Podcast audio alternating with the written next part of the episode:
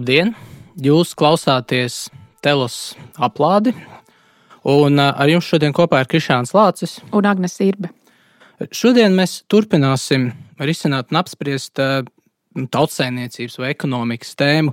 Šodien mēs nedaudz to izvērsīsim un koncentrēsim tieši nošķīrumā starp seno vai pirmsmoderno tautsēmniecību un moderno tautsēmniecību, lai vispār saprastu, kas tad ir no ekonomikas kā tādas jēdziens un robežas. Es par to pastāstīšu pēc tam, bet vispirms, Agnēs, tu varbūt vari sniegt nelielu rezumē par to, ko mēs gribējām pateikt pēdējā reizē, tos galvenos punktus. Jā, mūsu pirmajā aplādē par tautsājumniecību, jeb ekonomiku, mēs ieskicējām dabīgo tiesību teorijas pamatjēdzienus, kas attiecas uz šo nozari. Ja? Tad, tad mēs runājām par privātu īpašumu, mēs runājām par saimniekošanas mērķi, kas ir cilvēka iedabas pilnīgošana un jānodrošina trijos līmeņos ja? - izdzīvošana, dzīvošana un laba dzīvošana. Mēs arī uzsvērām, ka saimniecībā un tautsājumniecībā pamata vienība ir ģimene, nevis indivīds, kā nereti uzskata mūsdienu ekonomiskajās teorijās. Un tā tas galvenokārt ir tāpēc, ne, nevis vēsturiski iemeslu dēļ, bet tā tas galvenokārt ir tāpēc, ka e, ģimene un saime nu, dabiski satura personas, kuras nevar piedalīties ne ražošanā, ne saimnieciskajā darbībā, aktīvā veidā. Ja? Nu, proti, mazi bērni, veci cilvēki, ja, kur ir ģimenes daļa un par kuriem tātad kādam ir jārūpējas. Tiesību, dabīgo tiesību teorijā tie, kuriem ir atbildība par šiem nespējīgiem cilvēkiem, tie ir viņu uh, tiešie radinieki, viņu ģimenes locekļi. Tas arī padara ģimeni par saimnieciskās darbības pamata vienību. Mēs vēl uh, nedaudz pieskārāmies um, tirgošanās un apmaiņas sistēmas eh, pamatā jēdzieniem un mehānismiem, uzsverot, ka tie vienmēr ir vieni un tie paši. Un nav eh, vēsturisko apstākļu, savā būtībā nav vēsturisko apstākļu noteikti. Mēs uzsvērām valstiskās kopības eh, nozīmi ekonomisko procesu ne tik daudz regulēšanai, bet pakļaušanai augstāka līmeņa nepieciešamām un vajadzībām, ja, no kurām viena būtu teritorijas nosargāšana, no kura citu būtu likumības un likumīguma aizsardzība, rūpes par kopīgo labumu, kas ir augstāka, augstāka nepieciešamība par individu nu, teiksim, labklājības nodrošināšanu. Vai tu gribi vēl kaut ko piebilst pie kopsavilkuma? Nu, man liekas, vēl viena lieta, kas arī zīmējas uz uh, to, ko mēs šodien apspriedīsim, ir, ka mēs gribējām, un es, es no savas puses tieši uh, nu, gribēju uh, kritizēt nu, ekonomiku vispār kā atsevišķu tādu cilvēka dzīves un darbības sfēru. Nu, proti, nu, kā mums ir tāda zinātnē, šobrīd ekonomika, kas apraksta cilvēka ekonomisko uzvedību, ir racionālās izvēles, ko cilvēks veic ierobežotu resursu, materiālu apstākļu stāvoklī. Un, un tas nu, konservatīvais arguments, ko es mēģināju pārstāvēt, ir, nu, ka nē, ka nu, ekonomika savulaik un arī š, lielā mērā vēl šodien tomēr ir sociāli determinēta. Un arī kaut kādā ziņā pakļaujama morāles kategorijām. Proti, ka ekonomika ir kaut kādā ziņā tāda kā morāles apakšnodara. Un šodien mēs par to parunāsim? Jā, varbūt cilvēkiem tas, tas teiksim, tā, uh, jēdziens ekonomika šķiet mulsinošs, tāds pašpietiekams, sevi atdalošs no visiem pārējiem nu, diskursiem, ja tā var teikt. Bet iedomājieties, ja mēs runātu, mēs teiktu nevis ekonomika, bet amatniecība ja? vai ēst gatavošana, vai mums būtu šīs debatas. Vispār debats par to, vai tā ir atsevišķa nozara. Nu, bet, protams, ka ēst gatavošana var izšķirt kā atsevišķu nozari starp citām darbībām. Protams, ka ēst gatavošanai ir mērķis, ir jāpabaro cilvēki. Pareizi. Protams, ka ēst gatavošanai ir morālās robežas. Nu, ir izēvielas, kuras mēs neizmantosim, lai izgatavotu ēdienu. Ir prakses, kuras mēs nelietosim, jo tās ir amorāls, lai izgatavotu ēdienu. Ja? Nu, varbūt būtu kaut kāda ārkārtas eh, situācijas, bet tās mēs skatītu atsevišķi. Un, protams, ka būtu cilvēki, un katrā sabiedrībā tādi būtu, kuriem patiktu ēst gatavošana kā tāda, kā amats. Ja? Un viņiem nebūtu pat, nu, ka viņi tam būtu gatavi gan arī veltīt visu savu laiku viņpus tā, kas būtu nepieciešamais. Nu, proti, pēduši visi ir, bet dažiem patīk joprojām gatavot, jo vienkārši patīk šis amats. Un man šķiet, ka uz ekonomiku ir jāskatās līdzīgi. Ja viņi izdala kā atsevišķu nodarbošanās veidu, uzreiz tās gan, tās, gan tas pamatojums, gan tie jēdzieni kļūst skaidrāk, gan arī tās nu, morālās robežas nospraužas. Vai tas palīdz, ja es tā saku? Jā, par to mēs šodien parunāsim. Jo tieši nu, tā, tā grāmata, ko mēs esam paņēmuši šodien par tādu kā nu, vadmotīvu vai uh, refleksijas atspērienu punktu, nu, tā tieši runā par to, ka ekonomika. Kura kaut... grāmata? Es tūlīt pastāstīšu, jā, bet tā, nu, tā gal... grāmatas galvenā tēze tieši ir tāda, nu, ka ekonomika ir kļuvusi par atsevišķu nozari. Un ka šobrīd nu, modernā rietumu sabiedrība kaut kādā ziņā, visa politika, sabiedrība ir pakļauta ekonomiskajai domāšanai. Protams, nav atsevišķa nozara, tā ir pakļauta. Bet nu, klausieties, kas ir šī pa grāmatu.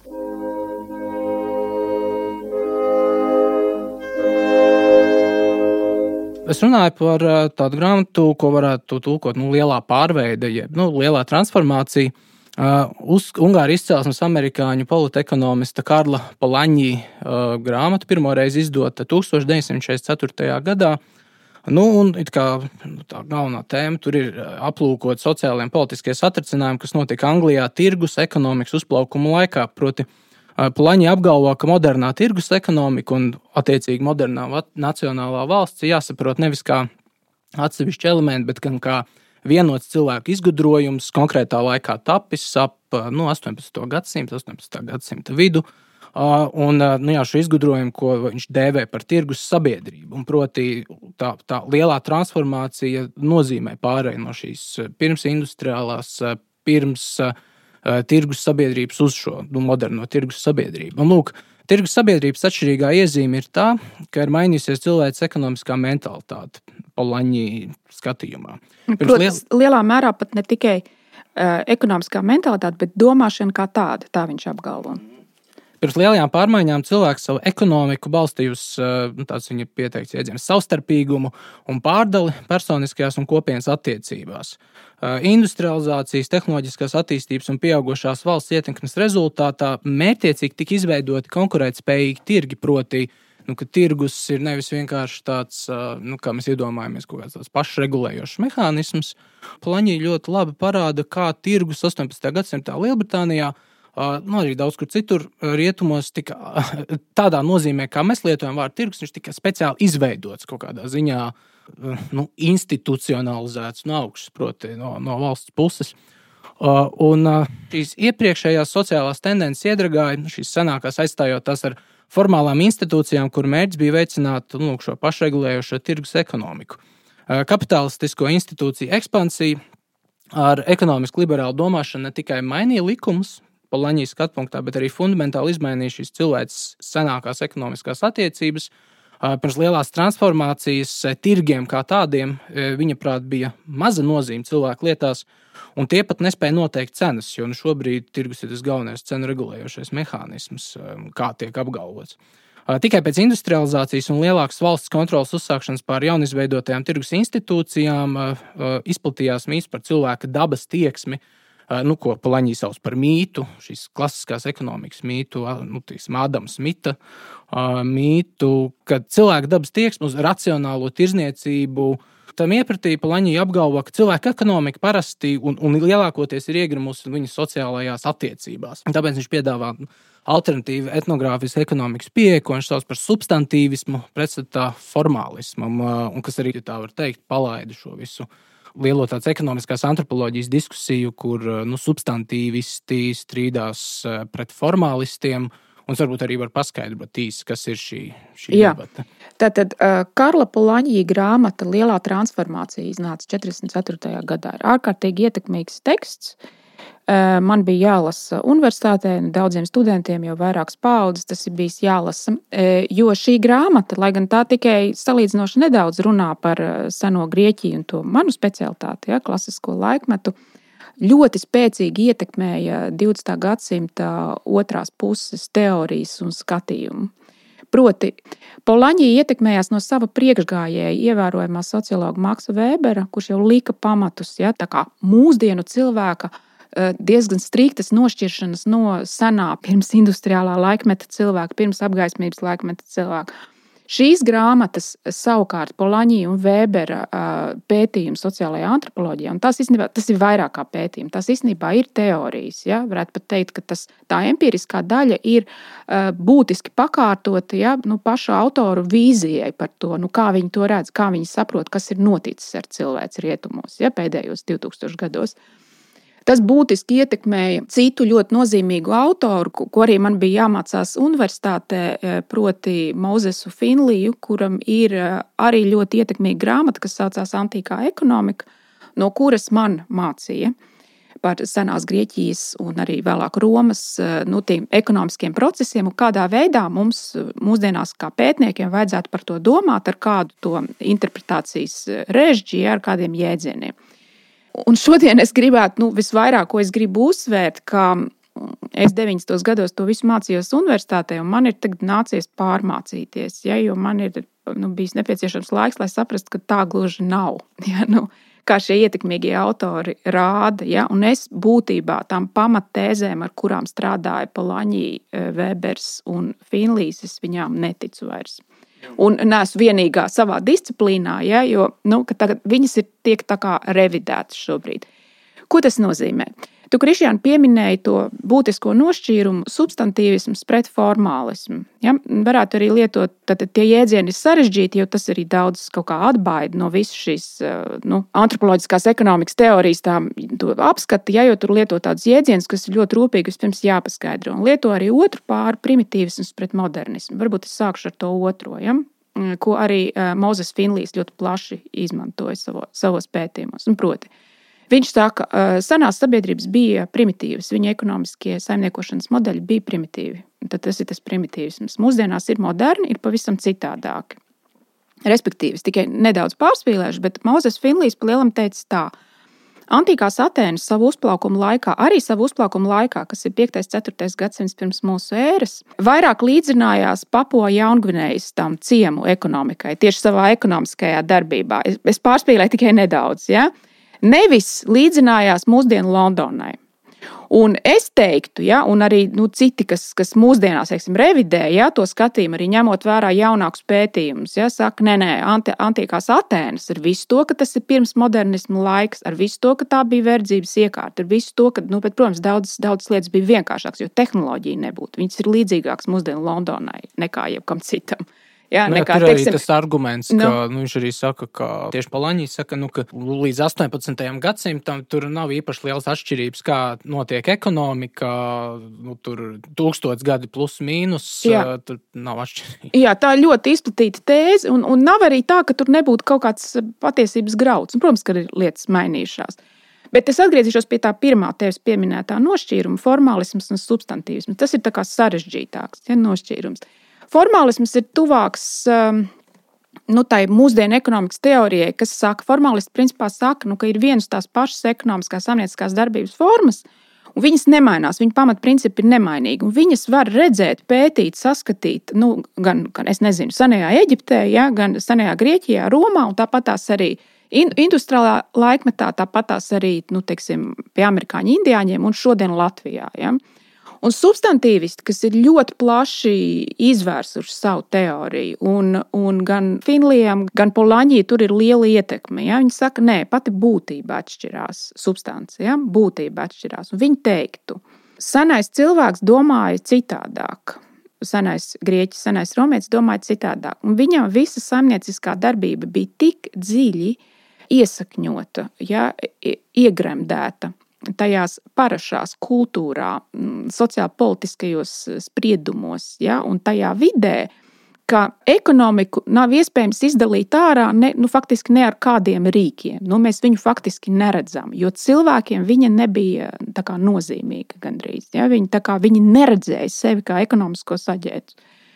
Tātad tur ir vairākas problēmas. Pirmā problēma ir, ka Mauzes Finlijs uh, un arī Polaņī viņi pārāk daudz uzticās uh, seno grieķu un romiešu filozofiem, kuri īstenībā nevis apraksta savu sabiedrību, bet priekšraksta. Ja? Tad, tad izsaka brīdinājumus, ja? nu, teiksim, izsaka aizrādījumus, izsaka kritiku. Ja viņi izsaka aizrādījumus, izsaka kritiku, teiksim, Platons, Aristoteles, Xenofons, vēlāk Cicerons un citi, tas jau nozīmē nu, kaut vai to, ja, ka viņiem bija kaut kādas parādības viņu acu priekšā, kas viņiem nepatika, pret kuriem viņi kā filozofi vēlējās vērsties un, nu, ar, teiksim, ar saviem ētiskajiem, morālajiem argumentiem. Ja. Nu, piemēram, klasiskie piemēri, ja, kā nu, Aristoteles priekšrakstot pareizo uzvedību. Ja, tad, tad, uzsver, ka saimniecībai ir jābūt pašpietiekamai, cik vien iespējams pašpietiekamai. Ja viņi nebūs pašpietiekami, ir risks, ka jūs kļūsiet, nu, nonāksiet tādā de facto verdzībā kādiem citiem. Ja? Tātad saimē jātiec uz pašpietiekamību. Augļošana ir aizliegta um, filozofisku un morālu iemeslu dēļ, ja, jo viņa nerada, nerada to priekšmetu, nerada labumu. Ja. Tu teiksim, tikai gūsti, nav, gūsti labumu no naudas uh, aprites kas Aristoteles skatījumā ir uh, amorāli un uh, nekādā veidā nav atbalstāms. Un ir ļoti asins nosodījums gan Platonā, gan Aristotelā pret um, peļņas vairošanu, mantas vairošanu, ja, kā pārpratumu par to, ar ko savā dzīvē cilvēkam vispār ir jānodarbojas. Ja. Un visu šo kritiku, kas arī Platonā ir ļoti spēcīga, jo īpaši viņa pēdējā darbā likumi, arī, protams, ietekmē tas, ka šie filozofi skatās Nevis kā mūsdienās ir tendence darīt, ne visiem, mums ar tevi nav, bet daudziem ir tendence skatīties nu, ētiskās kategorijās tikai uz konkrēto rīcību. Ja? Un šī rīcība bija pareiza, nepareiza. Bet tad, tad Platons Aristoteles vairāk skatās uz to kopumu, ja, tavu cilvēku, kā tavu dvēseli, ja, tavu kustību, tavu likumu, kas sastāv no maziem tiem likumīgajiem soļiem. Ja, tad, tad viņi izvērtētu nu, tādā aspektā, viņi mazāk. Piemēram, Nu, daudz ir komentēts par to, ka, ka Aristotelam vienīgais tāds mēģinājums runāt par vērtību un cenu kaut kādai precei ir uh, Nīkomaha raksturmācības, ko sauc arī par Nīkomaha ētiku, uh, piektajā grāmatā, bet ka viss piektā grāmata ir veltīta jautājumam par taisnīgumu. Tad, tad viņu, viņu netik daudz interesē, cik kam būtu jāmaksā, bet kas ir taisnīgi. Ja? Tas ir pilnīgi, tas ir, tur jau veidojas tā atšķirība no mūsdienu utilitārā modeļa, ja? ko mēs pēc Jeremija Bentama esam ja? nu, lielā mērā pieņēmuši. Labi, ne visi, bet viena daļa ir pieņēmuši. Tad, tad atgriežoties pie iepriekšējā, ja, nu, Finlija grāmatā, ja, ja mēs mēģinām no filozofu izteiktās kritikas, vērojumiem un analīzes spriest par to, kāda reāli bija seno grieķu sabiedrība 5. un 4. gadsimtā pirms mūsu ēras, tad tā visdrīzāk ir metodoloģiska kļūda. Ja? Un tāpēc nu, to kļūdu arī cenšas labot vai vismaz korrigēt ar citiem rīkiem. Un kādi ir šie citi rīki? Mums ir no, no, no antīkajām Atēnām pieejams ļoti liels uh, daudzums dokumentu. Tātad filozofu teksti ir tikai viena daļa. Ir vēsturnieku sējumu, sējumu, kur mēs daudz redzam šo ekonomisko darbību. Mēs redzam, kā valsts darbojas, mēs redzam, kā indivīdi darbojas. Tad mums ir pieejams retoru runas, tiesu runas, kur mēs redzam, ko iztiesāja tiesās. Tad mēs reiz redzam, kāda bija likuma, ko mēģināja ierobežot. Ja? Vēl mums ir pieejama epigrāfija, Nu, proti, uzraksti uz akmens plāksnēm, mēs redzam cenas, ja? mēs redzam importu, eksporta skaitļus, ko pirka, ko pārdeva. Mēs, mums ir vēl jā, kapakmeņi, mēs zinām profesijas, mums ir komēdijas un traģēdijas, tur ir vēl daudz informācijas. Un tātad, tas, tas tāds korģēts skatījums uz antīkajām Atēnām, viņu uzplaukuma laikā, ir, ka tā bija attīstīta tirgus ekonomika un nu, vismaz rudimentāra kapitālisma sistēma. Paskaidroju. Attīstīt tirgus ekonomiku tādā ziņā, ka valsts um, korģēja iejaucās uh, cenu sistēmā tikai vienā gadījumā, kas ir graudi un graudu izstrādājumi. Bet ko nozīmē valsts iejaucās? Valstiskā kopiena, valstiskās kopienas amatpersonas pieņem lēmumus um, regulēt no augšas ar likumiem un, un lēmumiem uh, cenas, importu, eksportu un to, cik, pa cik tu drīksti to pārdot. Un Atēnos tas nozīmē, ka tie ir uh, demokrātiski iecelti Jā. balsošanas ceļā noteikti amatpersonas, kuras. Jā, bet iedomājieties, viņi tad no, no visām iespējamām precēm, kuras ir tūkstošiem, ja, viņi regulē tikai graudus un graudu izstrādājumus. Un arī ir ļoti labi redzams, kāpēc. Viņi regulē tāpēc, ka Atikas zeme ir kalnaina. nu, tā, klinšaina, ne pārāk auglīga. Un atēnieši nevar, attiks iedzīvotāji nevar izaudzēt tos, tos graudus tik, cik viņiem vajadzētu. Teiksim, olīvas viņi var, citu kaut ko viņi var, bet to viņi nevar.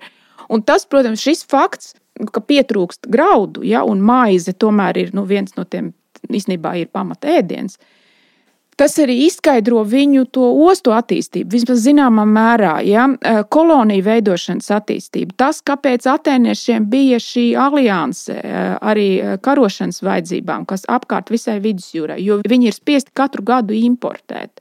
Teiksim, tāpēc arī Melnās jūras basēns Atenām bija ļoti nozīmīgs daudzus gadsimtus, jo tā ir savā ziņā viņu graudu klēts. Ja? Viņiem vajag šo floti, viņiem vajag kuģus, kas, kas pirmkārt apsargāt tās vietas, otrkārt, ka viņi var iegādāties tos graudus ja, un katru gadu atvest.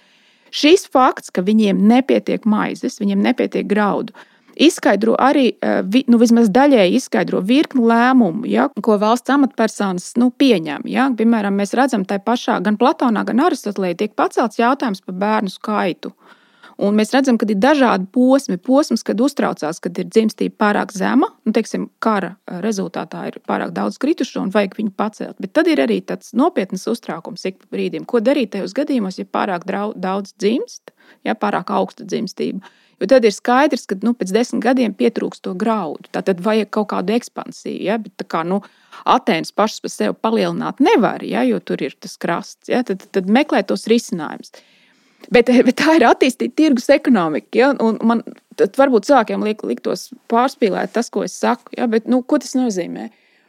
Ka Atenās ir milzīgs tirgus, mm, agora, e, kas ir pat sadalīts sekcijās, ka ir e, īpaši, īpaši amatpersonas, kas tur pārbauda svarus, ja? un, teiksim, lai nenotiktu krāpšanās, to gan pārbauda. Bet tās cenas neregulē. Un Mēs zinām, ka no ostām viņi importē visdažādākās lietas. Ir no senajām komēdijām nu, nu, saglabājušies tie saraksti, ko tu varēji nopirkt. Nu, tur varēja nopirkt kā arī nu, vairāk, kā plašāku preču klāstu nekā Rīgas centrālā tirgu šodien. Tas ir diezgan droši. Ja? Tur, nu, Visi tās dažādie olīvu veidi, dažādie vīnu veidi, dažādie tur, nu, jebkas, ja, arī garšvielas no ļoti tālām uh, zemēm. Un tas tirgus ir brīvs, jo, nu kā, Pārdevējs ja, uzliek savu cenu, ja, un pircējs var izvēlēties, vai viņš pirks vai nepirks par šo cenu, un attiecīgi viņš var iet pie kāda cita. Ja, šī konkurence netiek ietekmēta. Bet tas ir nu, tas, kā tu raksturo šo atēnu tirgu. Tas būtiski neatšķirās arī no tādiem tirgiem, kādi Mm, manuprāt, pastāv arī pirms, eh, pirms modernajā, piemēram, Latvijā. Nu, senajā Latvijā tāds da, Daugmales tirgus 11. gadsimtā vai Jūrpils tirgus vai Mežotni, tie tādi lieli tirgus centri, un kur tieši ir speciāli veidot kā tirzniecības centri. Ne tik daudz tur militāru nozīmi, bet nu, viņiem ir tirzniecība, viņi spēlē kaut kādu lomu tajā vietējā ekonomikā, un nu, kādas tur tās mazās pusvalstiņas eksistē. Bet eh, nu, tas Polaņģa arguments ir, nu, tas ir tikai ir viena no institūcijām, kas nav galvenā un, un, un kurai netiek pakārtota politiskā darbība. Un, uh, tas viņa arguments ir tāds, ka pārēja no tā lielā transformācija notiek tajā brīdī, kur tiešām tirgus institūcija nezina nevienu, nu, lūk, viņš nezina nevienu ekonomiku pirms mūsu paša ekonomikas, ko pat aptuveni kontrolētu un regulētu tirgus. Proti, tirgus ir šīs ekonomikas tas regulējošais faktors. Un tu saki, ka Atēnās, nu, pēc šiem jaunākajiem pētījumiem, Atēnās tiešām tirgum bija tik nu, liela centrāla loma, ka to varētu salīdzināt ar mūsdienām. Nu, es varētu to salīdzināt. Ja? Tad, tad nepietiek tikai ar to, ka pēc tiem jaunākajiem datiem puse vai gandrīz puse no visiem pilsoņiem un arī iedzīvotājiem, iedzīvotāji plašāk par pilsoņiem, jo tur ir metodika, tie, kas ir apmetušies uz dzīvi, uh, tikai kādu laiku, kopš Solona reformām, tie metodi ir piesaistīti, viņi samaksā nelielu nodokli, un tad viņiem ļauj ne tikai dzīvot, bet arī tirgoties, nu, veikt savu tirsniecības darbību. Un ir arī svežzemnieki, kur arī var samaksāt nelielu nodokli, un tad viņi var veikt zemniecisko darbību. Un tad mēs zinām, ka pusi no iedzīvotājiem tā, tādā vai citādā veidā bija iesaistīti kaut kādā tirgošanās darbībā. Bet tas ir, es saprotu, ko tu saprati. Tu, tu, man, tu man jautā īstenībā par um, valsts amatpersonu ja, darbību. Viņiem ir jāpieņem lēmumi par valsts kasi. Pareizi. Ja? Kāpēc viņiem vajag valsts kasi? Viņiem, tāpēc, ka viņi pirmkārt bruņojās, un viņiem ir ne, nu, jānodrošina savas robežas un, un jāstiprina sava armija, kas ļoti būtiski viņu pastāvēšanai, jo viņus arī apdraud. Viņi savu kasi tur uh, Atēnu templī un dažos citos tempļos. Mēs zinām pat tādas interesantas lietas, ka bija iespējams no valsts kases aizņemties uz procentiem. Ja? Mēs zinām, agrāk uzskatīja, Finlīs drīzāk domāja, nu, kur valsts ņem naudu. Un, un, un Finliem drīzāk šķita, ka ticamākais izskaidrojums, ka ir sudraba raktūs, tā sauktās Laurijāns sudraba raktūs, nu, netālu no Atēnām un tur strādā 3000 vergi. Ir, nu, kad, bet, lai gan tā arī pieder privātpersonām, ja, vismaz daļēji. Bet, nu, teiksim, valsts no turienes ļoti daudz iekasē. Un tad tur ir tas, tas lielais, nu, tātad, pārdodot to sudrabu, ir tā nauda, ar kuru tad var celt tempļus, es nezinu, nu, labi iekārtot ielas, uzturēt armiju, aprīkot floti. Un mūsdienās drīzāk vairāk uzskata, ka visvairāk iekasēja valsts kasē no importa un eksporta. Ja? Mēs redzam to katram maksājot to tā saucamo eisfora ja? nodokli. Mēs redzam to Atikas keramiku, tur līdz pat Kersonēzei. Ja? Mēs redzam viņu visur. Ja? Tad, tad viņu eksportēja masīvos apjomos. Mēs redzam arī, ka ir fiksēti 170 amatu nosaukumi. Ja? Mēs redzam to ražošanas apjomu. Mēs redzam, ka ir līru rūpnīca, mēs redzam, ka ir eh, vairogu rūpnīca, mēs redzam, Skulptūra, ka ir gultu darbnīca. rūpnīca. Jā, mēs redzam skulptūru darbnīcu, un ka daudz ko no tā tad, tad ražo vairāk nekā vajadzētu uz vietas pašiem, ja? un ka tas, tas pārpalikums veido to bagātību. Bet atgriežoties pie tā valsts lomas, ja? Atēnu pilnsapulce, tā ir demokrātija. Atēnu pilnsapulce nu, lemj katru gadu par to attiecīgo gadu. Viņiem nav uh, tas būtu tā atšķirība, nu, ko nu, drīzāk tā atšķirība no mūsdienām. Ja? Viņiem nav tāda plānošana, nu, to mēs neredzam vismaz. Ja? Tāda plānošana 5, 10, 15 gadus priekšu. Ja? Tas bija varbūt kaut kā, es nezinu, grūtāk, nenoteiktāk. Ja? Varētu teikt, ka tā atē, nu, vispār demokrātija jau tolaik tika, tika kritizēta ja? gan dēļ tā. Nu, kaut kādas volatilitātes dēļ, nu, ka viņi ir šaudīgi, svārstīgi. Ja? Jā, pūļi, ja, demagogu ietekmes dēļ, nu, ka viņi ir tādi. Ja, Bet būtiski ir arī tas, ka pilsoņi ir, pilsoņi tās, tās balsošanas tiesības ir visiem, ja, kas nozīmē gan tiem mm, pašiem nabadzīgākajiem, gan tam tā sauktējai vidusslānim, gan arī tiem bagātajiem. Ja. Tad, tad, tad visi, visiem šiem pilsoņiem ir tomēr kaut kā jāspēj nu, vienoties par tām robežām, kurās tā, tā sauktā materiālā nevienlīdzība ir pieņemama, ja, lai viņi, teiksim, lai nebūtu tas naidīgums starp bagāto pusi un to nabadzīgo pusi. Ja. Piemēram, Nu, Aristoteles ļoti, ļoti uztraucās par to. Ja? Viņš vispār ka visas valsts pilsoņu kopums daļās divā, dalās divās daļās - bagātie un nabagie. Mm, un ir jāmēģina veidot tas, tas vidējais, tas polsterējums, ja, lai viņi nenīstu viens otru. Ja.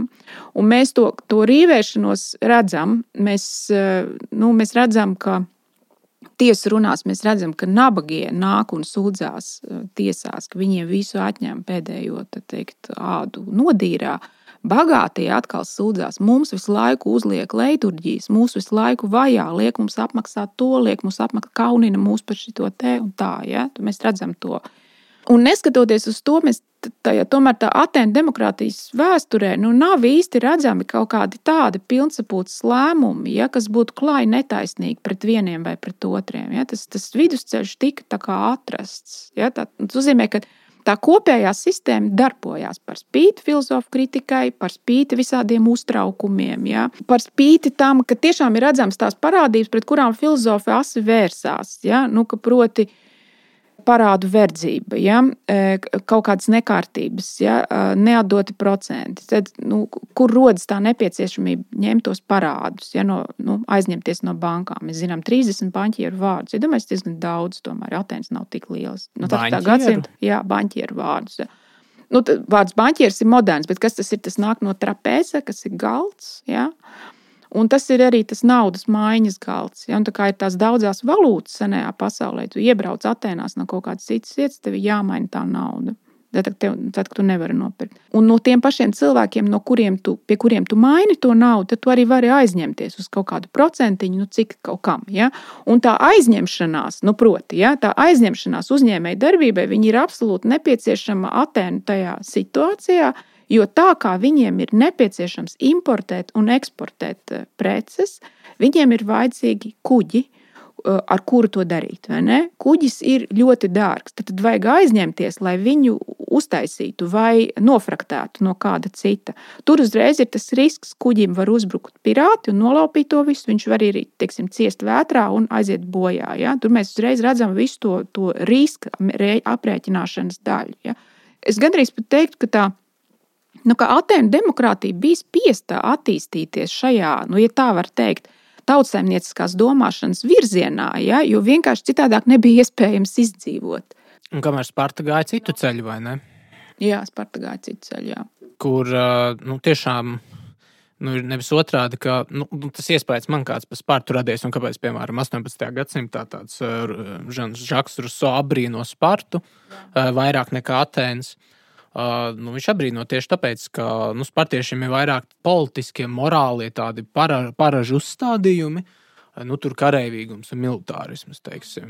Militārisms vispār kā tāds etos, uh, kam tiek pakārtot arī visa ekonomiskā sistēma. Tur viņi, viņi tiešām viņi nestrādā, viņi īpaši nepelna naudu. Bet viņiem arī nav tas jādara, jo to dara heiloti un periodi. Ja? Savukārt atēnieši strādā līdz saviem vergiem, un daudziem arī nav vergu.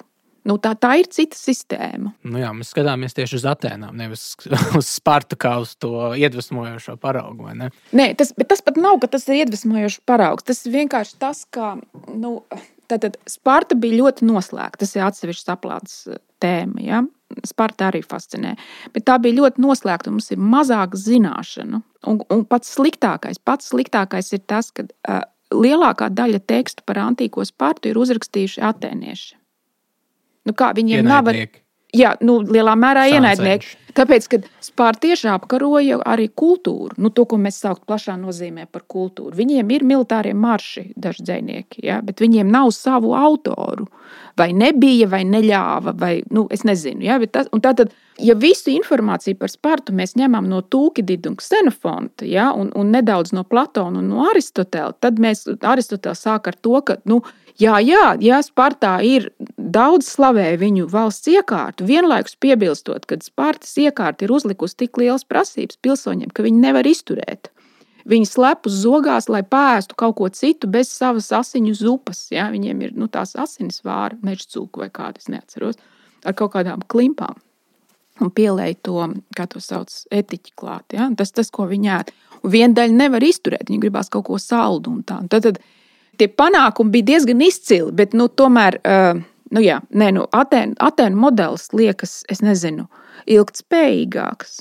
Nu, Galu galā tas arī tuvāks tam, kā mēs mūsdienās joprojām. Jā, bet tu izklausies skeptisks. Nu, nē, man, man ir sava apsvēruma, un, un es par to pastāstīšu, bet vēl, nu, vēl, vēl bišķi, ka es mēģināšu tā, nu, būt pa laņī pusē, piemēram. Nu, skaidrs, ka tajā grāmatā Polaņīs tomēr arī Atēnas mēģina iedalīt tajā nu, pirmsmodernajā saimniekošanas veidā, kur tirgus nespēlē tik lielu lomu, un viņš ir, ir, ir tāds substantīvs, tātad visādi sociālai regulējumi un sociālās saites, uh, goda sistēmas arī spēlē lielu lomu. Nu, piemēram, paklausīties šo Polaņī citātu, vai to var attiecināt uz nu, jaunākajām zināšanām par Atēnām, piemēram, citai.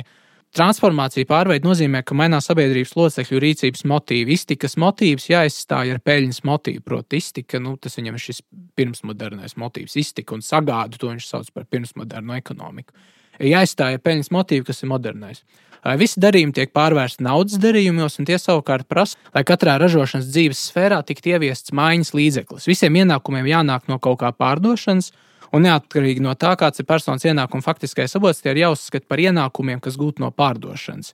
Nemazākā mērā tas izriet no vienkāršā termina tirgus sistēma, ar kur mēs apzīmējam aprakstīto institucionālo modeli. Taču sistēmas pārsteidzošākā īpatnība ir tā, ka tiklīdz tā ir izveidota, tā jāļauj darboties bez iejaukšanās no ārpuses, no valsts, no sabiedrības, no kaut kādām starpnieku institūcijām. Cenas jāļauj regulēt pašām. Šāda tirgus pašregulējoša sistēma ir tas, ko mēs saprotam ar tirgus ekonomiku, lai gan tirgus institūcija bija diezgan izplatīta jau kopš vēlākās laikmetā.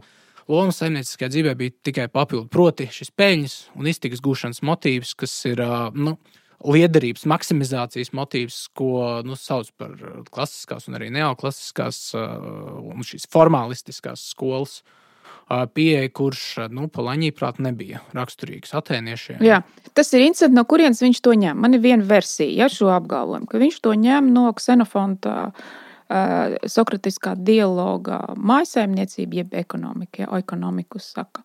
Tur ir redzama tā, ko mēs varētu nosaukt par atēniešu aristokrātu skatījumu, ja, kuram ir tas morālais elements. Nu, tad viens no dialogu dalībniekiem saka, mm, nu, aptuveni, ja, tad, tad rezumējot to domu, ka pārdot lietas, sev ražot lietas, lai viņas pārdotu, ja, un tad gūt no tā peļņu ir netikumīgi atēniešu. Tātad kalos kagatos, ja, daļkrietnē džentlmenim, kā varētu teikt. Ja.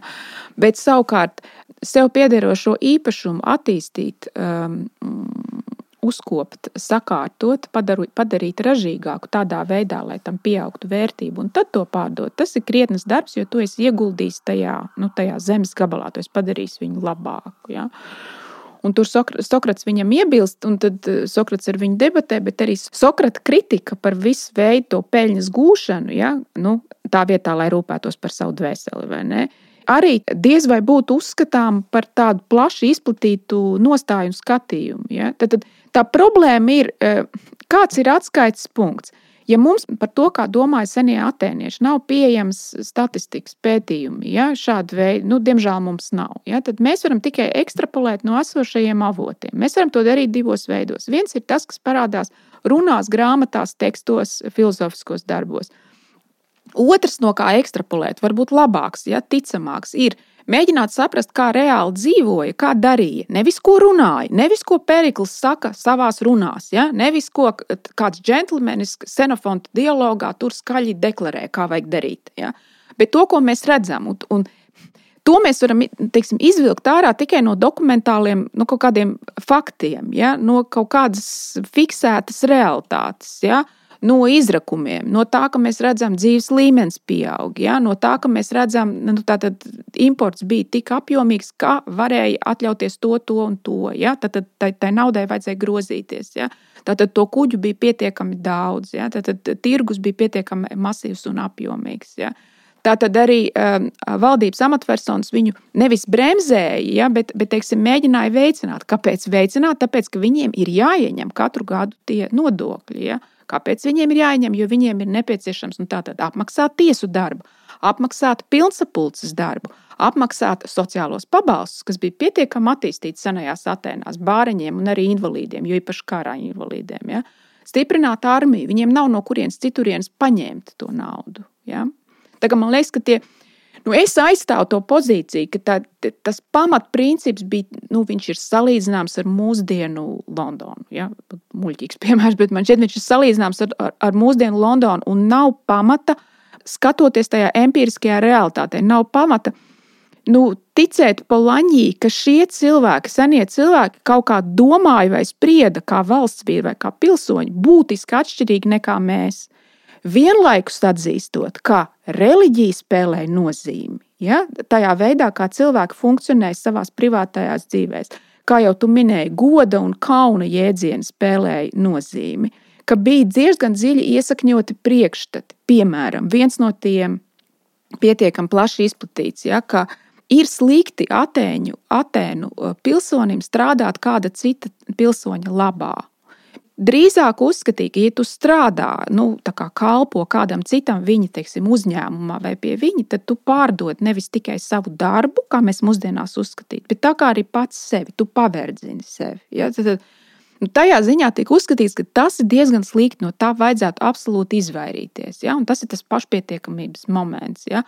Brīvais pilsonis nekalpo citam pilsonim, viņš ir pats, pats par sevi. Vienlaikus, es vēl gribu uzsvērt, tur arī Polaņīka, tas būtu svarīgi. Tur, nu, teiksim, no Palaņī to varētu ekstrapolēt, ja, pārveidot tādā mūsdienīgākā izteiksmē.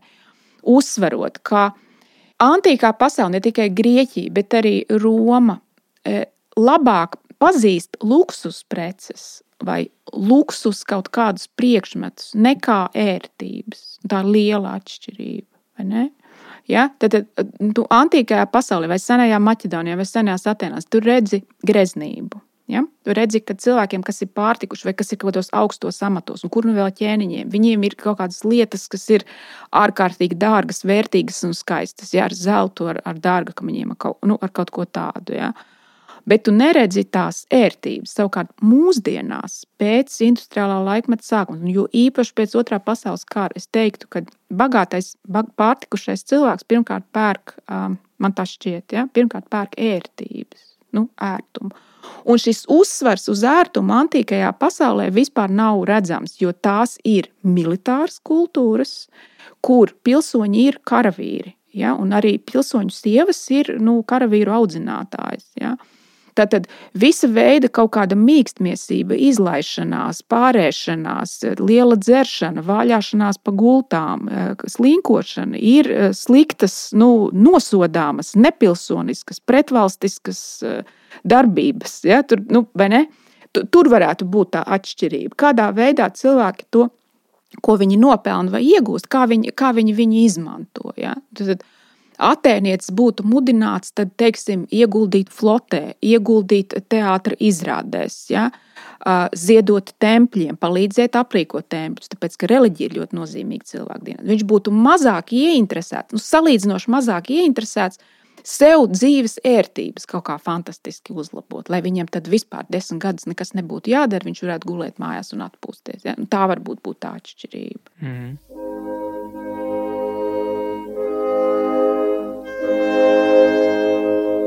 Mēģinot nedaudz pakritizēt, bet arī aizstāvēt Palaņģi, man liekas, tur ir svarīgi saprast, ka tajā grāmatā lielu lomu spēlē arī nu, ne tikai šo nu, grieķu, romiešu avotu piesaukšanu, uh, bet arī no etnogrāfija, un kas atkal man būtu tuvāka tēma, domājot par pirmsmoderno sabiedrību, kur, nu jā, nu, kur, protams, ir atšķirības starp to, kā tajā laikā dzīvo skiti un kā dzīvo Atēnas. Jo Atēnas tiešām jau tā diezgan nu, sarežģītāka, un negribās teikt, attīstītāka. Bet mēs īstenībā to arī daudzkārt nezinām, Krišjāni, pa skitiem. Atvainojos, tev pārtraucu. Es biju kaut kad Berlīnē pirms pāris gadiem, un bija tā skitu zelta izstāde, ko viņi tur sarakuši kaut kur. Ja? Tas bija kaut kas pilnīgi neticams, kas viņiem tik tur nebija. Kādi viņiem bija ieroči, kādas viņiem bija rotas lietas, kādi viņiem bija auskari un nezinu kas, un kausi. Un tā. Labi, mēs varam teikt, tā ir augstā aristokrātija. Jā, bet tā ir vienīgā, ko mēs redzam. Nu, Es nezinu par skitiem Jā, īstenībā. Un, nu. lūk, un no šīs etnogrāfijas viņš, piemēram, lūk, balstoties uz Broņislavu Maļinovska etnoloģisko darbu par Trobriānu salām, uh, viņš tur, un arī citiem, viņš tur izdalā tādas trīs uh, pirmsmoderno sabiedrību principus, kā viņi veda savu ekonomiku, parādot, nu, ka šie principi tiešām nav kaut kas tāds atsevišķs kā tirgus, tāda abstrakcija, bet nu, viņi ir dziļi ieguldīti, nu, tas, tas angliskais vārds, embedded, iegremdēti sociālajās struktūrās. Un, proti, pirmais princips ir pārdales princips. Uh, tirzniecība un ražošana tiek koncentrēta kādas tādas vienas centrālas vienības rokās, piemēram, cilts vadonim vai feudāliem valdniekam rokās, un pēc tam tiek sadalīts starp sabiedrības locekļiem. Tas ir viens otrs e, savstarpība. Preču apmaiņa balstās uz savstarpēju apmaiņu starp e, sociālajām vienībām. Makro līmenī tas ietver arī preču ražošanu, lai tās dāvinātu, piemēram, citām sociālajām grupām. Uh, Un trešais ir nu, šī maisaimniecība, ekonomika, kas, protams, bija arī Atēnās. Nu, tad ekonomika, kurā ražošana koncentrējas uz atsevišķām maisaimniecībām, ģimenes ražo pārtiku, tekstilu izstrādājumus un darbarīkus pašu lietošanai un patēriņam, nevis lai pārdotu un maksimizētu savu peļņu. Tā ir klasiskā. Un, un, un saku, tas, lūk, tas ir šīs, teiksim, trīs principi, kas ir pirmsmodernajās sabiedrībās, kā tiek vesta ekonomika, vai drīzāk politekonomika vai socioekonomika. Uh, pārdales princips, savstarpība, maisiņniecības ekonomika, kur atkal lūk, tie tirgi vai tirgus ar lielo T nespēlē tik lielu lomu. Jā, iespējams. Nu, kaut kādā mērā, jā, nu, protams, ka kaut kādā mērā viņam ir taisnība. Ja? Bet es tik un tā neredzu to, to substantīvismu pamatojumu. Ja? Vai drīzāk nav tā, ka cilvēki gribēja, bija gatavi, de, bija gatavi un griboši darīt to pašu, cīnījās ar tām pašām kaislībām. Nu, daudz no viņiem vēlējās tiešām pieaudzēt to savu materiālo pārticību, jo viņiem bija konkrēts vēlmes, sapņu plāni, ko viņi gribēja īstenot. Ja? Bet ka vienkārši dažādu iemeslu dēļ, ja, ne tikai te, nepietiek, nu, teiksim, tehnoloģijas, ne tuvu nebija tik attīstītas, kā tās ir šodien, lai gan arī, arī varētu ne, debatēt, uh, bija lielākā nestabilitāte, kas izsita no līdzsvara. Ja? Teiksim, mēs skatāmies to pašu Peloponēzes kara laiku, ja? tad tur ir tātad pirmkārt ienāk armija iekšā, ja, sagrauj tur mājas, ja, uzreiz viss apstājās, viss tā darbība, labība nevar novākt. Tagad kaut kas jāņem tikai no krājumiem. Ir. Nākamajā gadā sākas mēris, epidēmijas, ja, nomirst cik 40% gandrīz no iedzīvotājiem pilsētā. Ja, iedomājieties, kā tas izsit vispār jebkādu ilgtermiņu plānošanas iespējamību. Ja. Uh, mirstība ir ļoti augsta. Tad tur gadsimtu iepriekš pēkšņi visi priecīgi, laimīgi dzīvo, pēkšņi uzbrūk persieši, jā, ārprāts, kas vispār notiek. Visi pilnīgi pārbijušies un tā. Un tad gribās teikt, jā, mūsdienās ir stabilitāte lielāka. Nu, nu vai tā ir? Ja? Tā, jā, mēs esam vienkārši tādā labā posmā, un tad mēs varam sēdēt un par to runāt. Bet tas varētu tā arī nebūt. Ja? Nu.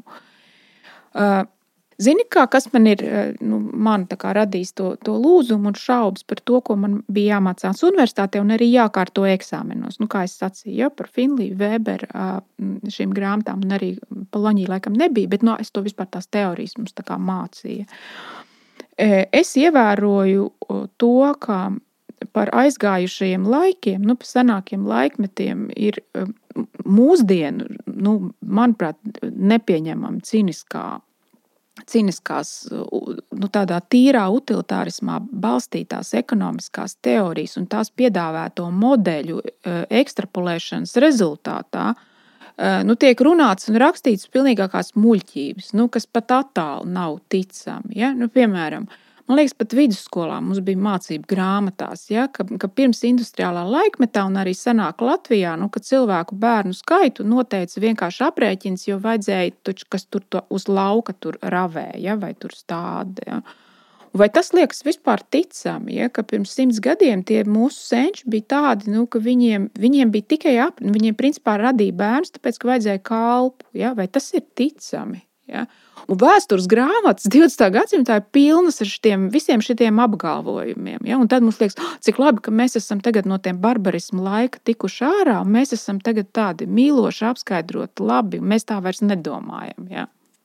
cilvēku bērnu skaitu nosaka virkni faktoru. Ja? Nu, viens no tiem ir saistīts ar to, ka, ka vecāki viens otru mīl, viņi mīl bērnus, patīk bērni, grib dēlu, grib meitu, grib vēl vienu meitiņu vai ne. Un, kaut kādā mērā arī viņi var to atļauties, varēs samaksāt. Būs vēl, vēl viens nu, ēdājams, teiksim, vai vēl vienu varēs izskolot. Ja. Bet tas būtu tikai tāds kalpu radīšanas mehānisms. Ja, Es vairāk uztraucos par to mūsdienu ekonomisku modeļu, vai arī kas ir sociāla antropoloģiskā tās teorijas, tām, tie, tiem skaidrojošajiem pavadieniem. Saprotu, par ko es jā, runāju? Tie ja? ir formālisti, vai ne? Jo, nu, kā formālisti teiks, nu, izmantojot šo plāņu nošķīrumu, formālisti teiks, nu, jā, ka bērni tiešām tiek radīti un zemdēti, lai, nu, lai palielinātu tur liederību un izdevību, tur kaut kādi sautīgie un ekonomiskie motīvi, nu, un, un substantīvis teikt, nu, nu, nē, tur ir vēl papildus virkni citu faktoru, sociālais prestižs, arī kaut kādi reliģiski apsvērumi. Uh, Uh, nu, protams, motivācija lokus ir dziļāks un kontekstuālāks. Nevis vienkārši, ka cilvēks uh, ir tāds ekonomisks, sautīgs Jā, aģents. Ne, kur... Tā problēma, Kristiāna, ir tajā, ka, ja tu spriestu par mūsdienu, teiksim, Latvijas sabiedrību 2020. gadā, tu vispār neatļautos pat citiem cilvēkiem tā teikt. Vai ne? Nu, tā, tāpēc, ka tas ir cilvēks, kurš radītu trešo bērnu tikai tāpēc, ka vajag kādu, kas tur apstrādā lauku nu, tiktu nu, uz robežas uzskatīts par, eh, nu, par psihiski slimu ja, vai ar kaut kādiem traucējumiem. Savukārt uz tām senajām sabiedrībām, tāpēc ka viņi nevar aizstāvēties, un mēs viņus vairs nepazīstam, var projicēt ja, šāda veida izskaidrojumus un modeļus bez vispār jebkādām problēmām. Tā ir tā, tas ir mans tas jautājums. Un tad saka, jā, jā, jā, cilvēki bija sautīgi, radīja bērnus tikai un vienīgi, lai būtu lielāks kalpu skaits, bet no otras puses bija reliģija, kas viņiem tur kratīja ar pirkstu un teica, nu nedariet tā. Ja? Vai tas ir ticams, vai tas ir ticams sabiedrības apraksts, vai tas būtu ticams mūsdienās? Nu, nebūtu. Mana pamatēze ir ja, visā uh, telosā, visās, visos šajos projektos. Cilvēka iedaba ir viena un nemainīga.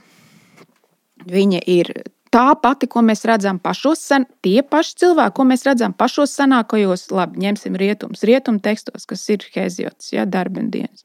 Tie cilvēki ir tādi paši kā mēs. Uh, un neatkarīgi no, ne, ne, neatkarīgi jā. no tehnoloģijām, neatkarīgi no sava laika arī paražām, viņi grib tiecas, viņiem labais ir tieši tāds pats kā mums. Un viņu uh, kognitīvās spējas, spējas saprast, ir tāda pati kā mums, dažos gadījumos pat labāk, ja spriežam pēc Platona un Aristotela. Un tas nu, ir viss. Tas... Nav bijis nekāda progresa. Nozīmē, ir viens un tas pats. Jā, un tas nozīmē, ka uh, ekonomiskā uzvedība, kas izriet no šīs vienotās cilvēka dabas, gan Atēnās, gan pie skitiem, gan uh, 18. un 19. gadsimta Londonā, gan šodienas Latvijā. Gan arī gan Fidžijas salās. Jā, gan Fidžijas salās, gan pie vikingiem, ka šī ekonomiskā uzvedība izriet no šiem vieniem, nu, no, jā, šīs, no šīs vienotās nemainīgās cilvēka dabas. Un, uh, un arī sabiedrības un valstiskās kopienas cīnās visu laiku ar vienām un tā pašām problēmām. Un arī ap, tas meklēto risinājumu skaits, kaut vai senajās Atenās, kad uztraucās par noslāņošanos. Ja? Platonam likumos ja, ir tās visi tie paragrāfi, kur viņš mēģina no savas puses, nu, caur, caur Sokratu, ja to atēniet, ne, caur atēniet, Ja, tad, tad teikt, ka vajag nospraust minimālo, cik nu, nabadzības slieksni, kad zemāku mēs nepieļaujam, un arī bagātības to augstāko slieksni, lai nebūtu pārāk liela tā atšķirība. Ir pilnīgi ļoti labi saprotams, ar ko viņš cīnās, nu, ir, kā, ko viņš redz kā problēmu, un tā ir tā pati, kas ir šodien. Tāpēc uzskatīt, ka nevienlīdzība ir kaut kāds, es nezinu, 20. gadsimta izrietošs no industriālās revolūcijas, no lielā kapitālisma vai no globalizācijas, manuprāt, tas nav pārliecinoši.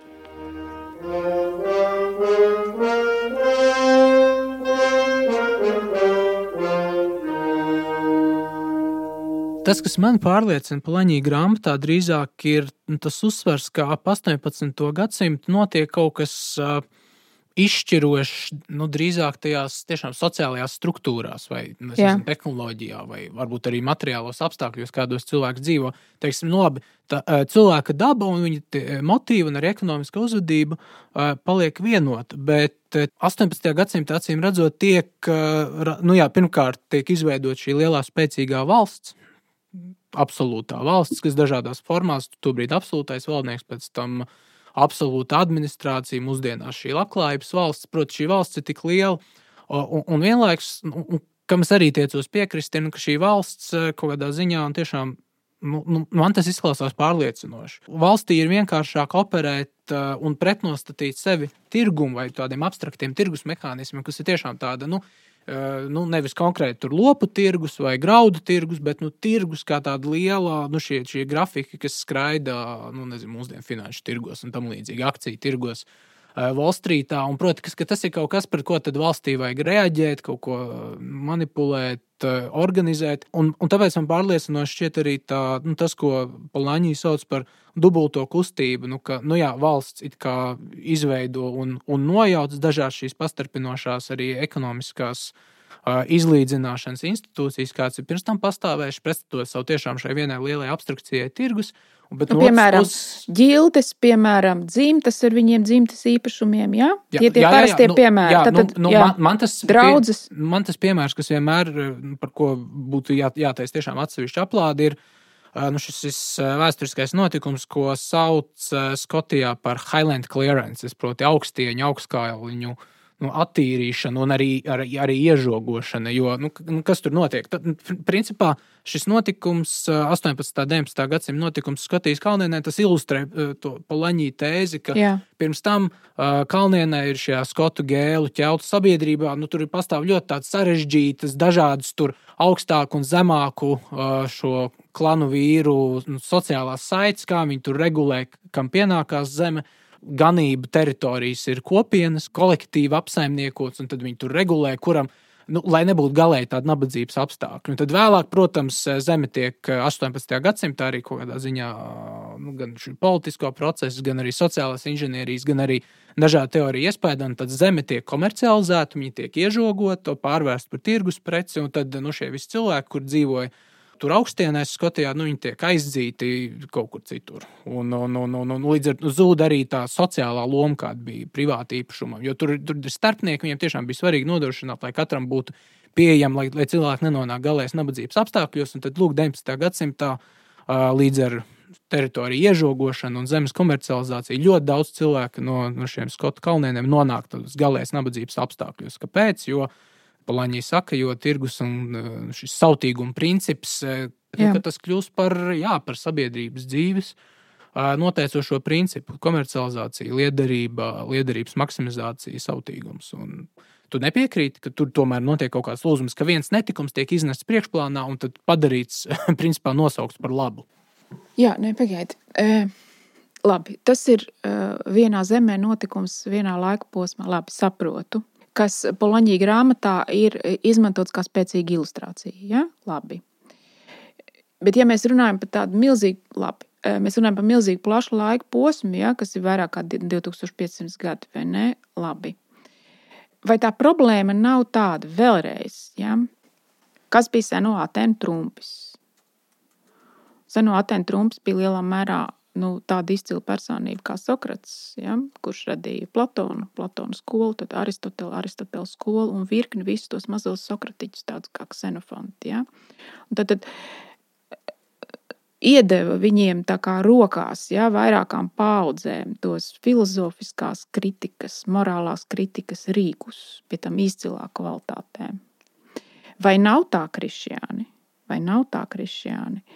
Ka mūsdienu, vai es nezinu, Skotijas ja, problēma ir tajā, ka tie cilvēki, kuri var uzturēt kaut kādu to diskursu, teiksim tā, ja, ka viņiem trūkst šo kvalitatīvo filozofu. Es atvainojos par tādiem izteikumiem. Un tā vietā ir tādi puskoka lēcēji, ja, galējie utilitāristi, kas uzbāžas ar savu ekonomisko modeli, piedāvājot to kā kaut kādu galējo patiesību un atklāsmu. Mums vienkārši trūkst filozofiskas kritikas tiem konsultantiem, nu, kas nonāk pie valdībām un kas līdzdarbojas tajā, lai tiek veidota, nu, piemēram, tautsājumnieciskā politika. Varbūt var tā teikt.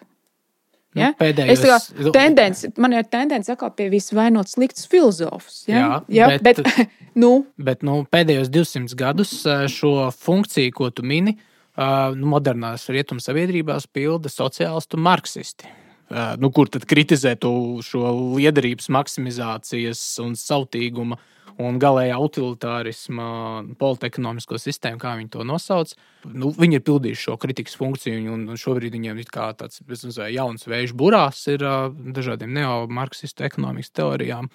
Uh, nu, jā, par ko mēs parunāsim citreiz. jā, bet, jā, nu, svešburās. Bet, Jā. nu, jā, jo nu, gal galā, nu, uzreiz steidzoties nu, notikumiem pa priekšu, nu, nu, mēs kā tādi nu, konservatīvi vai tradicionāli teiktu, ka marksistiskā teorija lielā mērā ir nu, šīs klasiskās ekonomiskās teorijas, tāds kā obvers.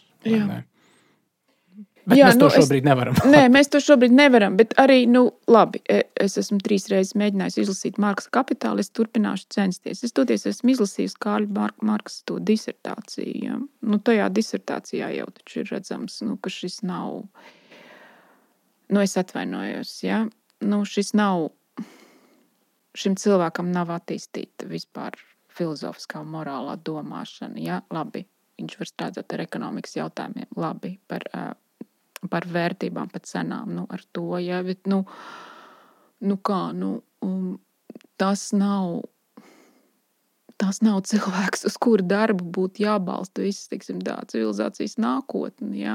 Nu, Vai kapitālismu kritika? nu, vai kapitālisma kritika. Nu, es atvainojos, ka es tā runāju, es vispār nekas neesmu. Es esmu Agnēs no pārdaugavas. Ja? Nu, Marks nesaprot, un, un 20. gadsimta virkni visiem šiem marksismu sekotājiem. Nu, viņi nesaprot kaut kādas elementāras lietas, ko labs Aristoteles skolnieks būtu sapratis 24 gadu vecumā. Ja? Tagad no iepriekšējā, sarunā, ne, iepriekšējā sarunas daļā mēs vainojam filozofus, tagad mēs varam vainot vienkārši izglītības sistēmu. Nu, jau tas vien, ka bija vajadzīgi tik daudz gadu, lai, nu, lai uzrādītu kaut, kādas, kaut kādus trūkumus ja, šajos vadošajos autoros, ja, kā Finlijs, Vēbers un, un, un Polāņī jau. Ja, jau ja. Kāpēc man tas vienkārši tika nolikts priekšā, ka tā ir ja, augstskolā? Es varu kritizēt savu Strasbūras universitāti. Nu, tur jau pietrūka kaut kāds kritiskais eh, izvērtējums, vai tas vispār ir ticami, nu, ko viņi stāsta par antīkajām attēlām. Nu, nu, vai ne? Nu, kaut vai tā. Ja. Tā tad izglītības problēma. Nu, Es nezinu, Marksam pievērsīsimies citā reizē, bet nu taču nevaram. Nu, Jā, jā, jā. Bet, nu, jā. Tas, nu, tas ir nu, viens no tādiem nu, no kritiķiem, par ko mēs viens no modernās ekonomiskās sistēmas kritiķiem, nu, par ko mēs parunāsim arī citreiz.